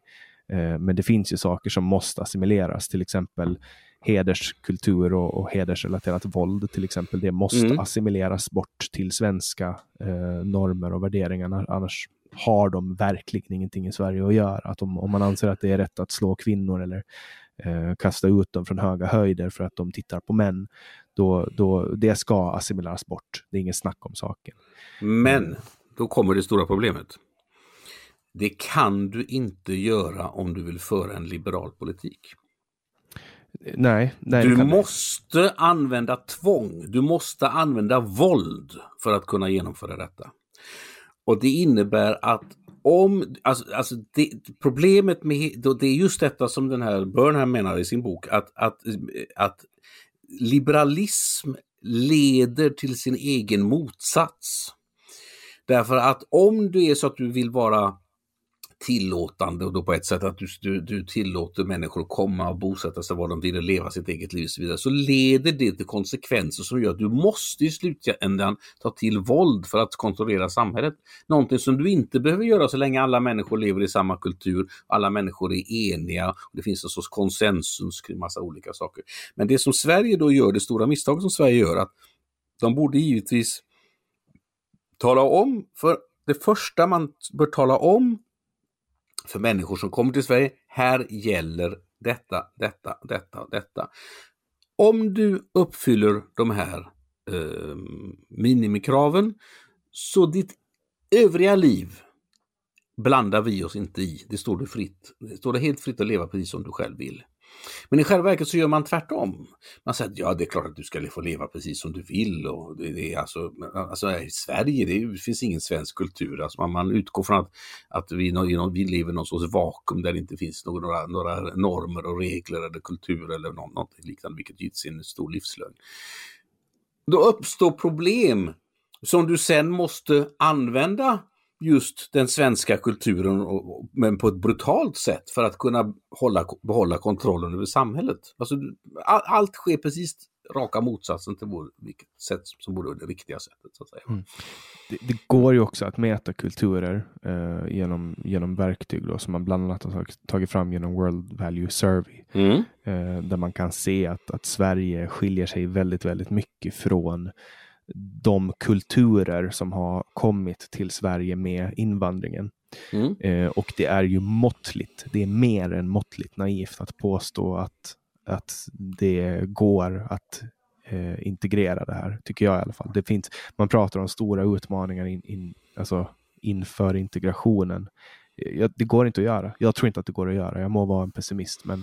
Ja, men det beror ju på att eh, du, men det finns ju ett grund eh, murat eh, ointresse eller snarare förakt för eh, tankar, eh, studier och liknande om den mänskliga naturen. Från människor som man mycket brett kan eh, beskriva som liberala. De tycker att eh, alltså saker som har med kultur och traditioner och liknande, det är gamla fördomar eh, och de kan de är uppkomna av okunnighet och är det bara så att du utbildar folk så försvinner detta automatiskt. Vilket inte är sant. Vi vet att det inte är sant. Alltså, i, I kultur och traditioner så finns det massa saker som eh, kan vara eh, gammalt skräp som inte behövs i ett modernt samhälle. Men det innebär inte att folk slutar att bry sig om de här sakerna för den sakens skull. Det går liksom inte att, att säga att bara för att du utbildar människor att de genom, så, så skulle de liksom alltid tänka rationellt. Vi, vi människor är inte så rationella som man vill föreställa sig, utan vi tänker i allra högsta grad i, i, kulturella termer hela tiden. Och det måste man ta hänsyn till och gör man inte det så, så, så skapar man man vill skapa ett gott samhälle men resultatet blir ett ont samhälle tyvärr. Mm. Var börjar den här grejen med att om man vill begränsa invandringen i Sverige så är man nazist? Alltså det, de som för fram den typen av argument älskar ju att jämföra med vad som hände på, under kriget, 30-40-talen. Och då var det ju verkligen så att människor ville starkt begränsa svensk invandring och det var till viss del grupper som man kan beskriva som svenska nazister, men det var ju inte så att de övriga svenska befolkningen på den tiden ville ha en massinvandring. Alltså nästan alla partier från höger till vänster på den tiden var ju, var ju motståndare till invandring. Den ytterst lilla invandring som fanns till Sverige då som, och som var då framförallt judiska flyktingar som kom i slutet på 30-talet, början på 40-talet till Sverige. Det var ju alltså ytterst få människor. Eh, men de som kom, de, de, de, lyckades rädda sig. Men det liksom har blivit idag så att på något vis därför att Sverige inte tog emot fler flyktingar så är på något vis Sverige medskyldigt till förintelsen, vilket givetvis är rent nonsens. Det var Tysklands fel och inte Sveriges fel. Det är inte mm. Sveriges fel att använda, men idag har det blivit något så här att man tar på sig någon sorts ansvar för all världens ondska som Sverige genom olika metoder ska liksom eh, bekämpa. Mm. För den här tesen driver ju författaren och komikern Aron Flam i sin bok Det här är en svensk tiger. Att, mm. uh, att Sverige driver politik idag baserat på skuld. Och kollar mm. man på Tyskland och jämför hur, hur de gör när det kommer till liknande frågor som invandring och så vidare och kollar på det politiska klimatet och hur man håller på med nyspråk och, och så, så, så verkar ju det, den tesen stämma ganska bra överens med verkligheten. Håller mm. du med? Mm. Det gör jag. Um, det jag har en idé om det där som jag faktiskt har bollat med, med Aron en gång. Det fanns ju en um, svensk judisk vetenskapsman som heter George Klein som myntade begreppet att Sverige är fredsskadat. Man säger ju att, att Eh, man talar ju ofta om att eh, länder är krigsskadade. Men han menar att Sverige var fredsskadat. När han säger detta så menar han att i Sverige, i och med att vi har haft fred i över 200 år, så kan vi inte föreställa oss att människor är rädda att begå onda handlingar mot varandra. Alltså vi är naiva i vår syn på omvärlden. Va? Och det där har han, tyck, jag tycker att han har en klar poäng i det där, han har helt rätt i det. Men jag skulle vilja utöka vad det där handlar om. Genom en egen iakttagelse som jag har funderat på många gånger som jag tänkte jag skulle skriva en artikel om, men nu kommer det i den här podden istället. Um, och det är att det finns ett arabiskt uttryck som eh, säger Jag mot min bror. Jag och min bror mot våra kusiner Eh, eh, jag och våra, mina kusiner emot eh, klanen. Eh, klanen mot övriga världen. Alltså, man, in, man kan, jag kan bråka med min bror, men när det kommer till en yttre fiende så är vi båda vänner och går emot eh, eh, eh, fienden. Och den, och, alltså, förstår du mig? Alltså, det är yt, stö, större och större cirklar och man håller sammanhållning i gru, gruppen mot den yttre världen. Mm.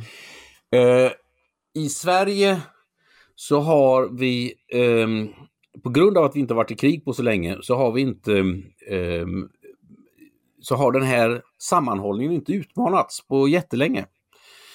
Så att man, alltså i många länder så är det ju så att, i många europeiska länder så är det så att man kan ju föra en mycket hetsig diskussion mellan varandra.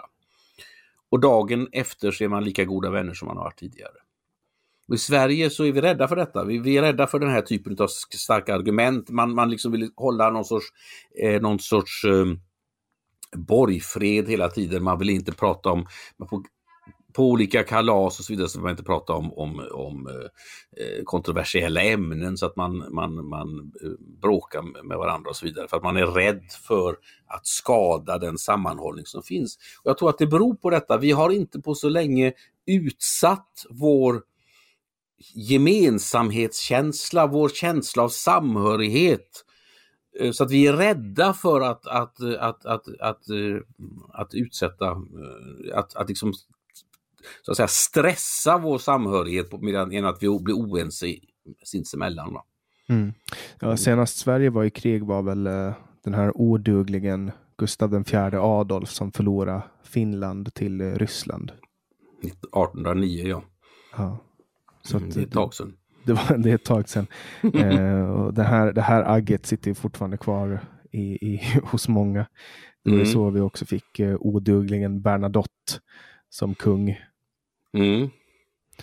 Men, men jag menar, den här fredsskadan såg man ju eh, uppstå, eller man såg symptom av den när när eh, corona kom och det inte fanns liksom ansiktsmasker och sånt. Eh, och det, det, var på grund av att man inte har beredskapslager. Mm, man blev liksom så oj, vad är krig? Vad, någon gång har man ansett att de inte kommer att behövas. Man, man, men, men man gick inte ut och sa det, utan man sa att vi ska inte införa ansiktsmasker. Man, man skyllde på en massa andra saker för att man vill inte säga, man vill inte erkänna för sig själv att vi har inga ansiktsmasker i lager.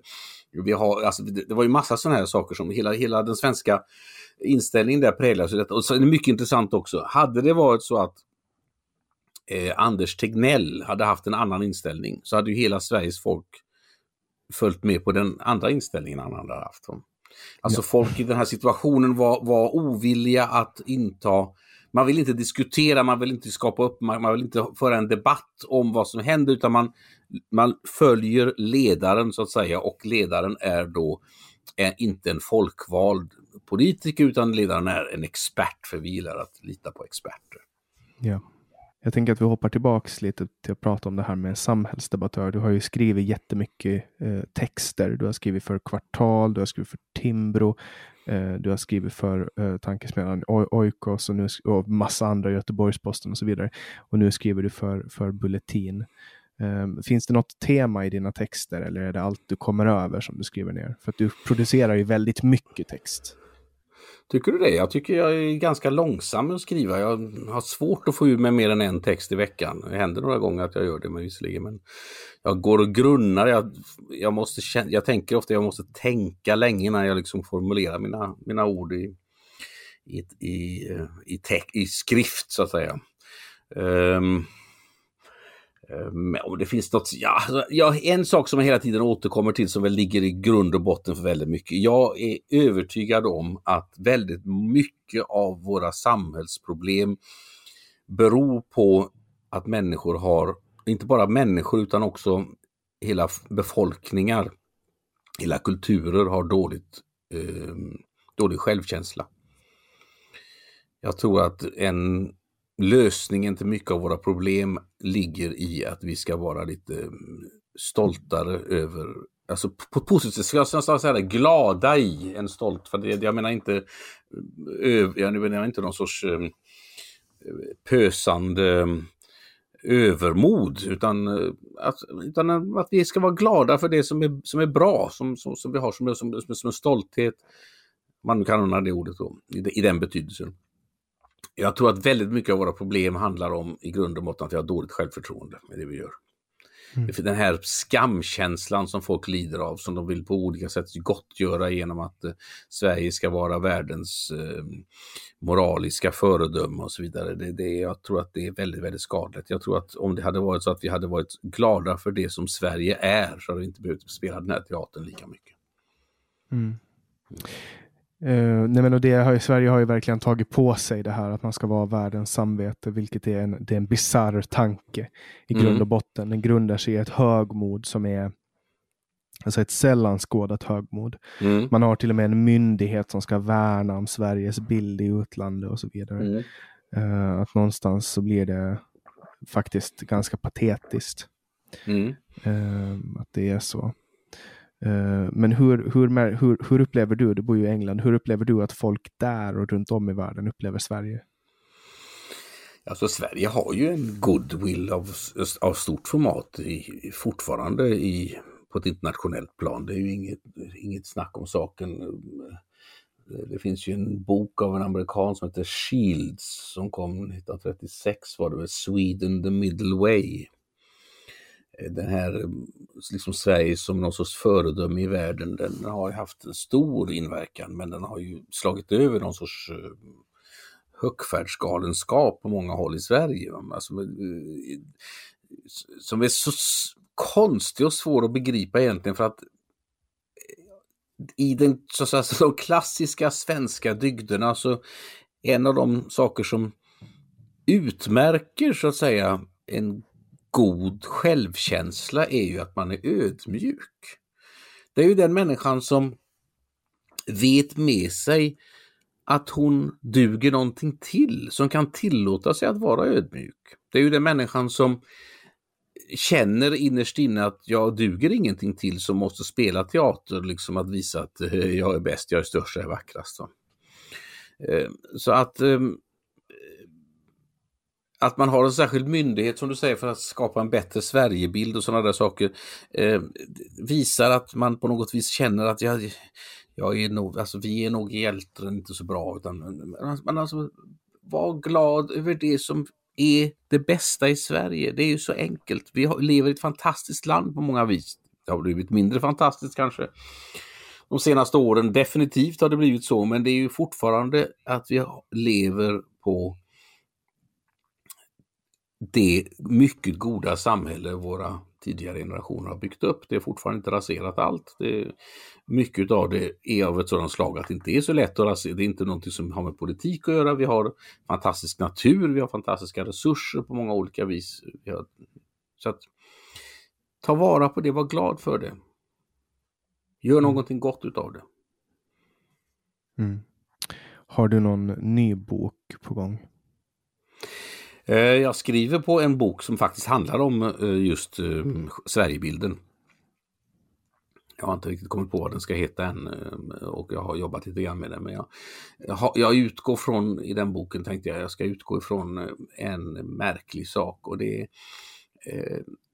eh, eh, någon gång i början på 1890-talet så målade en konstnär en tavla, nu minns jag inte vad sjön heter, men platsen ligger i skogen strax norr om Engelsberg, bruksorten Engelsberg.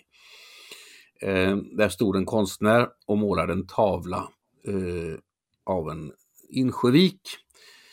Typisk sommardag. Och platsen ser likadan ut i stort sett än idag. Jag har varit där. Och den där tavlan den finns i flera varianter och en av de varianterna häng, hängde på Nationalmuseum. I Nationalmuseums katalog för 1899 så är den nummer två eller nummer tre minns jag inte i katalogen. Eh, den här tavlan.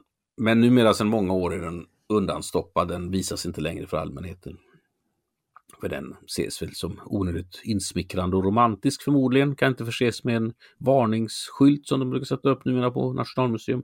Men den här tavlan är intressant därför att på 30-talet så anordnade Svenska turistföreningen en tävling.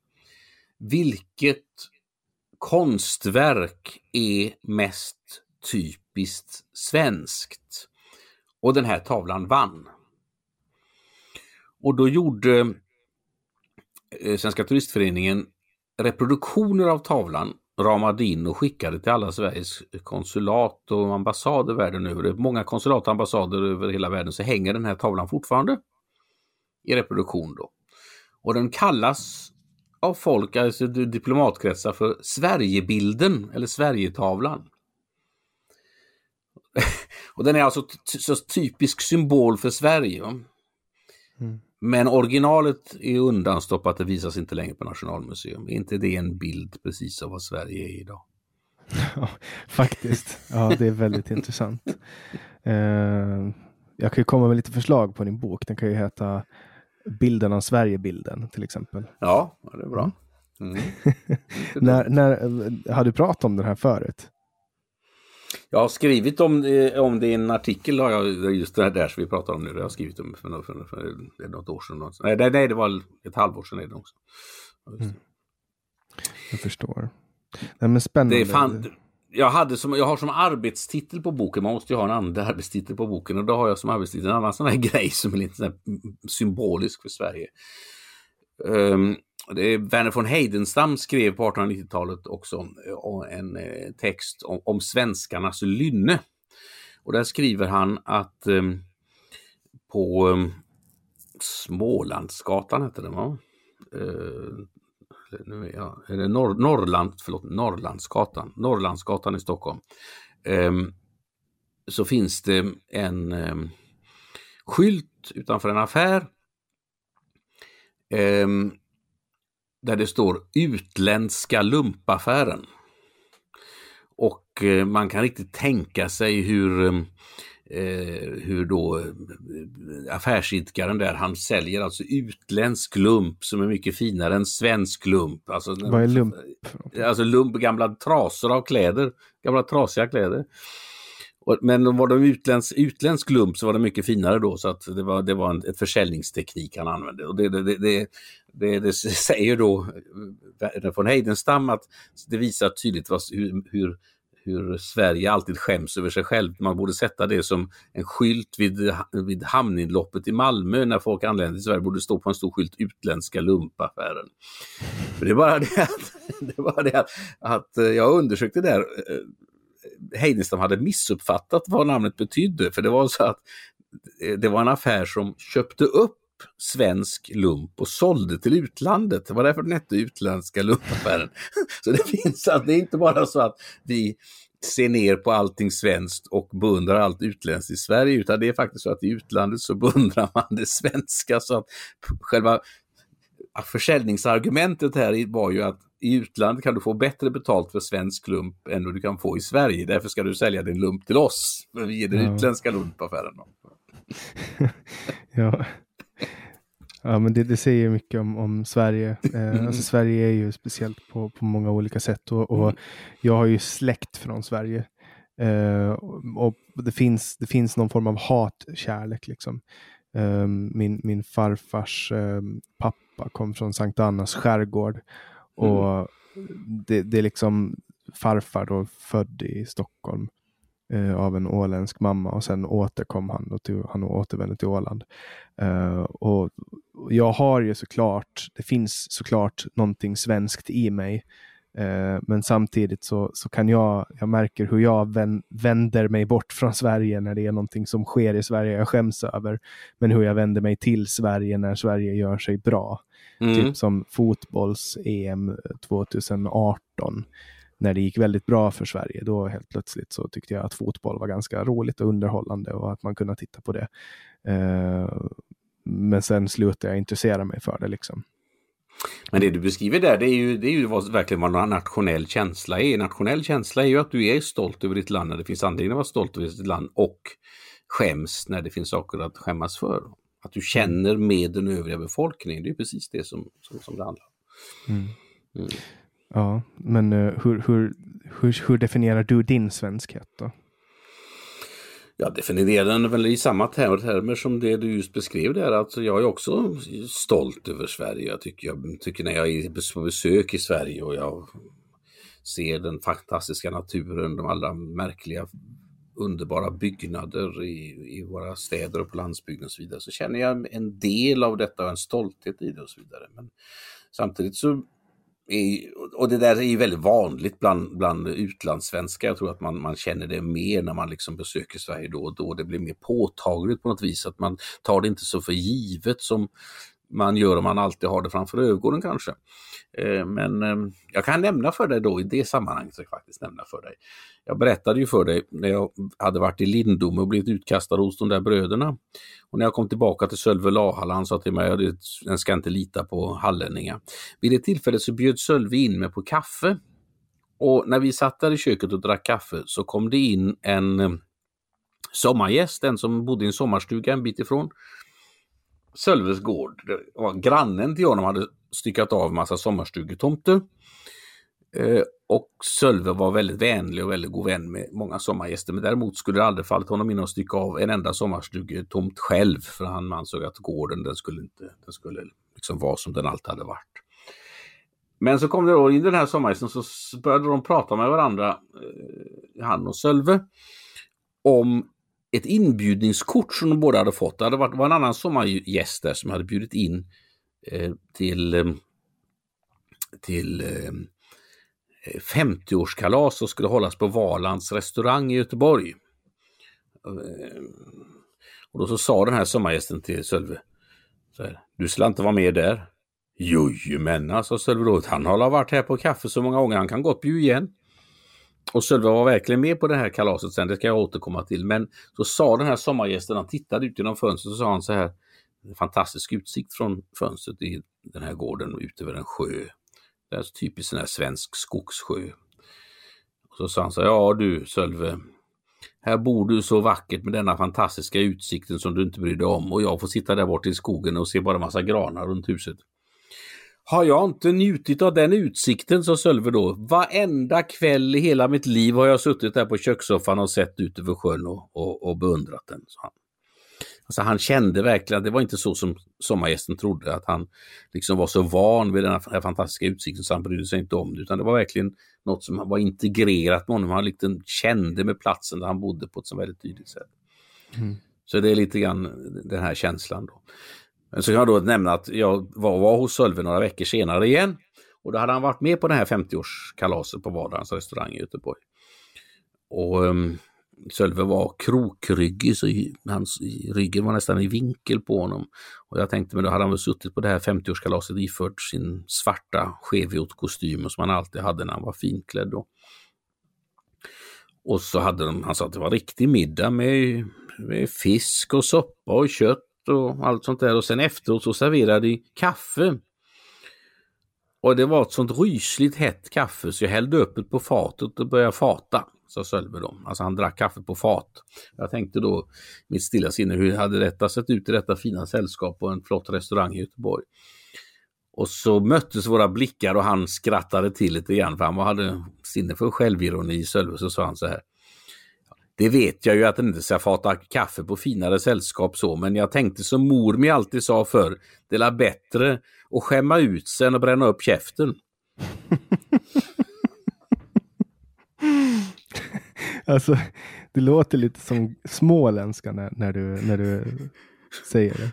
ja, småländska de, har, de, de skårar ju. Det är lite mer så. Det är lite diftonger och lite så i skånska. I småländska. Det är, det är lite mer åt, åt, åt, åt, åt eh, skånska hållet till. Vet du. Ja, jag, vet, jag tänker mer på typ mm. Västervik. Där, pratar, där har de ju någon det är typ det, det, det jag känner till av Småland. Jag bodde där ja. under en kort ja. period. Ja, Ja, jag, vill, jag, ser, jag hör ju skillnaden på västgötska och, väst, och målet i Västervik, absolut. Men det är ju Götalands mål det är det ju. Det är ju skilj, man skiljer ju de huvudsakliga skillnaden mellan dialekter i Sverige går ju mellan Svealand och Götaland. Så det, det, ur det perspektivet så är det ju Götalands mål båda sakerna. Mm. Mm. Men de här böckerna som, som du skrev då i början av din karriär, det var nästan bara hur man levde på, på gamla tiderna och gamla byar och, och berättelser och sånt? Ja, alltså det var framförallt eh, som sorts reportageböcker om människor som fortfarande levde på det viset. Ehm, jag besökte alltså mängder av människor och en del av dem valde jag ut. Eh, framförallt om de var det berodde ju mycket på hur, hur de bjöd på sig själva så att säga, att de ställde upp och att jag fick fotografera och intervjua och dokumentera deras liv i vissa fall så var män, det var människor som var väldigt folkskygga som inte alls ville eh, att jag skulle eh, skriva om dem och dokumentera deras liv och sånt där. Och då, I vissa fall så var det ju så att jag helt enkelt lät bli då för jag ville ha respekt för de här människorna. I andra fall så tyckte jag att det var så oerhört fantastiskt så att jag var väldigt tjötig och höll på och tjatade tills jag fick lov att, skriva om dem. Och I många fall så blev de väldigt glada sen när boken blev färdig. I några fall så blev de det inte, men det, det, hör, det hör ju till. När sticker man ut hakan så får man en smäll ibland. Så enkelt. Kan du berätta om någon av dem som inte ville vara med? Ja, det var en eh, man som hette eh, Oskar på Brunnsåker Eh, som eh, var väldigt intressant därför att eh, när jag kom till honom första gången kom till hans gård, jag ska beskriva gården för dig. Ehm, han bodde i en rödmålad stuga, en lång länga av typiskt västgötstyp, ehm, med ingång på baksidan med en hög stentrappa. Och bredvid låg en laggård som var helt omålad och där väggarna var kläggda med spån. Och så utanför så hade han en sån här brunnsvokt. Vet du vad det är för någonting? Ingen aning. Eh, alltså en hävstång som man använde för att eh, häva upp vattnet ur, ur brunnen då, som, som stod framför på gårdsplan. Och så, här. och så sa jag till honom att jag kom dit. Så sa jag att jag, kom, jag heter Dan Korn, intresserad av gamla ställen där det är lite på det, på det gamla viset nu, sa jag till honom. Det brukar jag säga. Och då sa han, jaha, sa han, ja, jag är, jag är född 1900 och stöva här i böjd 1812, så det är gammalt, sa han. Och så var han väldigt välkomnande och jag fick komma in. Jag fick lov att ta bilder, dokumentera stugan och gården och vi gick husesyn från rum till rum och jag fotograferade. Och så skulle jag ta bilder på honom och då satte han sig till resta i köket på en pinnstol. Och sen när han har suttit där en stund och jag tagit några bilder på honom så han sa Det blir la bättre om jag tar på mig storvästen, sa han. Och det gjorde han det. Och så hade han längst ner, han hade snören omknutna runt benen längst ner för att inte rötterna skulle krypa upp efter benen på honom, så han sa när han gick bort i markerna. Och jag tog den här bilden på när han satt på den här pinnstolen med storvästen på och det är en av de bästa bilder jag har tagit någon gång tycker jag. Um, uh, och han var alldeles uppenbart väldigt glad över detta och jag kom och lämnade boken till honom sen och um, han var väldigt glad för att få boken och så vidare. Men så upptäckte han efter ett tag att det var ett annat kapitel i samma bok som handlade om när Lubbe Nordström hade besökt eh, bygden eh, där han bodde. Lubbe Nordström var, gjorde en, en, en reportageresa genom Sverige 1937 var det väl, eh, som kallades för Lort-Sverige där han beskriver förfallna och skitna och bedrövliga förhållanden i dåtidens Sverige. Och eh, Oskar hade berättat för mig, och det nämnde jag i det kapitlet, att han kände väl en, en familj som hade blivit beskriven av, av Lubbe Nordström. Och eh, de hade då bott på ett annat ställe, eh, men hade flyttat närmare den här byn där han hade bott. Och som, men då hade tydligen Oskars syster sagt till honom, det är begripligt att nu tog, tog folk att det var hos dig som Lubbe Nordström var.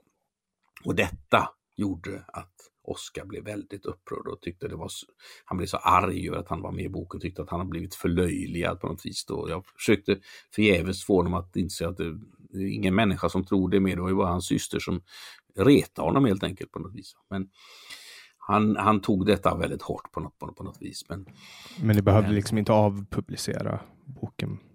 Det kan man inte göra när, det är, när den är tryckt i flera tusen exemplar. Det är inte som nej, idag på, på nät, utan det går ju inte helt enkelt.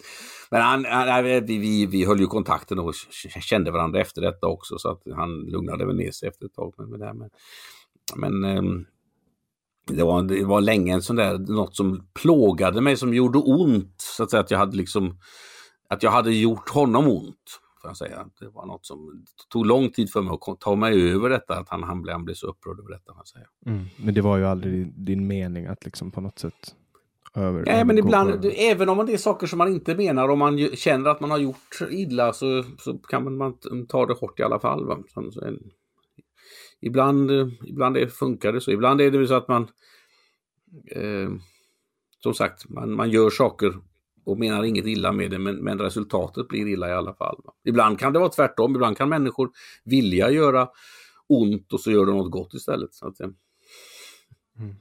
Mm. Finns det någon annan som, som har en speciell plats i ditt minne som du har haft med i dina böcker? Alltså det, något av det mest fantastiska jag upplevde var väl när jag var hos eh, eh systrarna Anna och Astrid i Röret Lägg märke till namnet på gården bara, Röret. Det är bara i Västergötland du kan säga något sånt. Försök säga Röret. Får du se. Röret.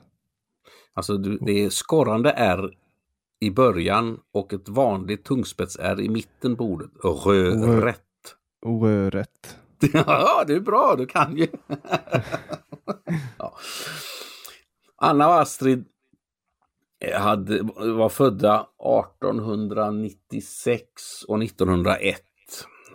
Anna som var äldst var född 1896. Hon hade när hon var ung så hade hon varit ute och arbetat eh, som eh, barnflicka i bättre bemedlade familj i stan i Allingsås.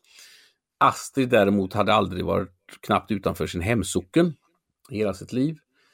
Eh, och eh, de bodde på en, i en stuga som jag fick tips om att de bodde där. Så jag sa, men snälla det bor väl ingen i det huset? Jag hade åkt förbi där många gånger och utgått från att det var ett ödehus.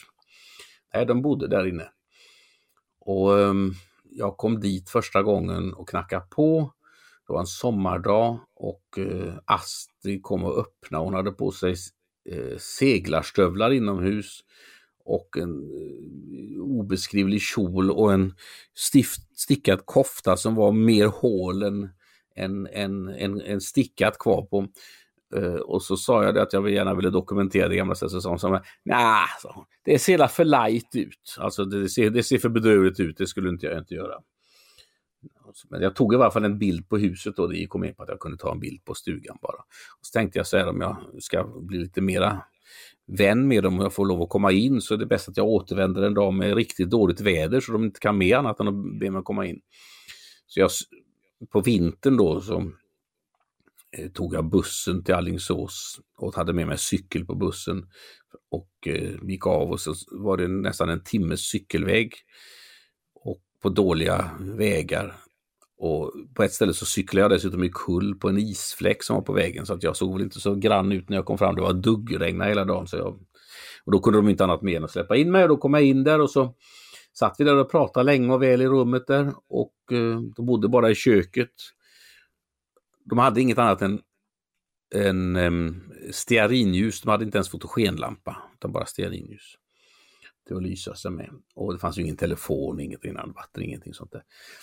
Eh, och så um, sa jag att jag skulle gärna vilja fotografera dem när de är där. Så, så sa ja, sa Anna då. Astrid sa så här. Astrid sa, ja, vi har redan blivit fotograferade, sa hon. Jaha, sa jag då, men så tänkte jag att jag får väl ta detta lite försiktigt. Så jag hade en ryggsäck med mig och så tog jag ut en kamera ur ryggsäcken. Och då sa Astrid, är det där han har kamera? sa hon. Ja, sa jag. Då hade den redigare grejer den som var här sist. Jaha, sa jag, så tänkte jag det finns en fantastisk naturfotograf som heter Tore Hagman som bor inte så rasande långt ifrån där deras ställe låg. Jag tänkte det kanske är han som har varit här, för han fotograferar med hasselbladare med stativ, så jag tänkte det är ju redigare grejer än det jag hade då. Jag sa, jaha, vad hette den som var här då och fotograferade? Ja, vad hette den? Anna! Vad hette den som var här och fotade oss? Och Anna då hon svarade, ja, vad hette han? Han hette Per eller? Det var er som gick runt här på Stella, gick runt och tog kort och gick runt och sålde dem sen. Jag tänkte det där lät ju som det var ett bra tag sedan så jag frågade uh, det, kan, det kan ju inte, det måste ju ha varit länge sedan detta var så jag frågade då med nästa fråga, när var detta då som ni blev fotograferade? Och då sa, sa Astrid, ja, när var det vi blev, när vi blev bildata, sa hon. Och intressant sa fotade eller bildata, ta bilder alltså. Um, och så, Anna, när var det vi blev bildata? Ja, sa Anna då. Det var la mina far levde va? Och då så sa Astrid, ja det kan du la begripa, det dumminge, han är ju med på kortet. Och ehm, då var ju min nästa fråga, när dog eran far då? sa jag då. Vår far han dog 1912.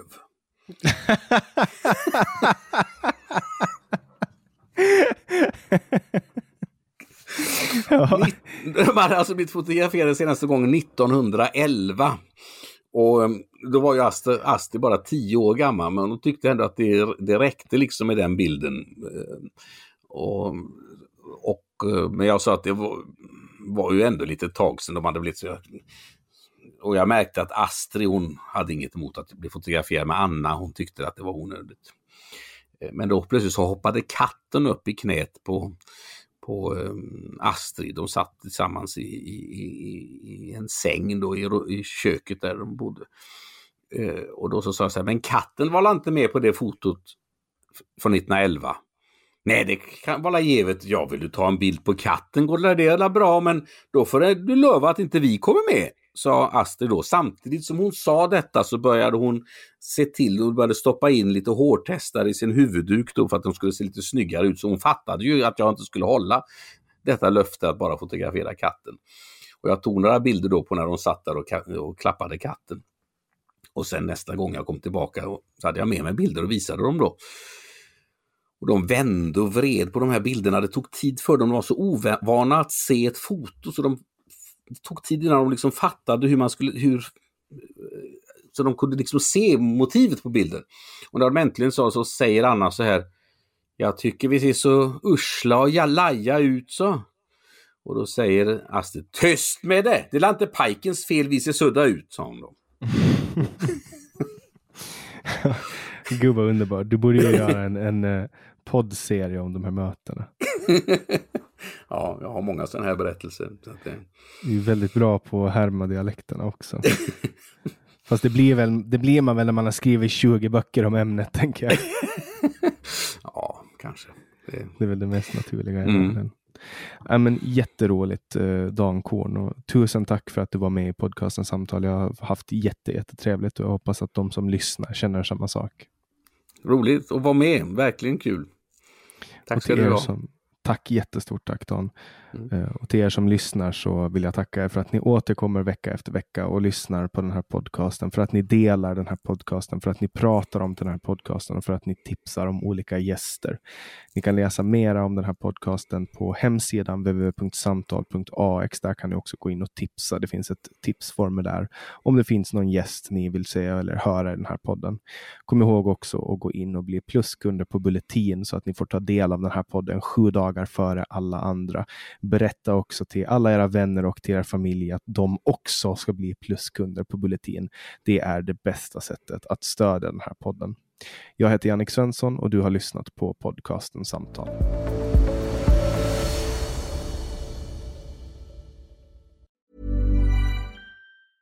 Planning for your next trip?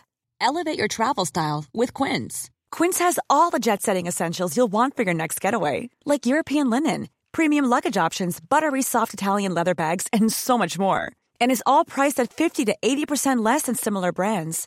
Plus, Quince only works with factories that use safe and ethical manufacturing practices. Pack your bags with high-quality essentials you'll be wearing for vacations to come with Quince. Go to quince.com/pack for free shipping and 365-day returns.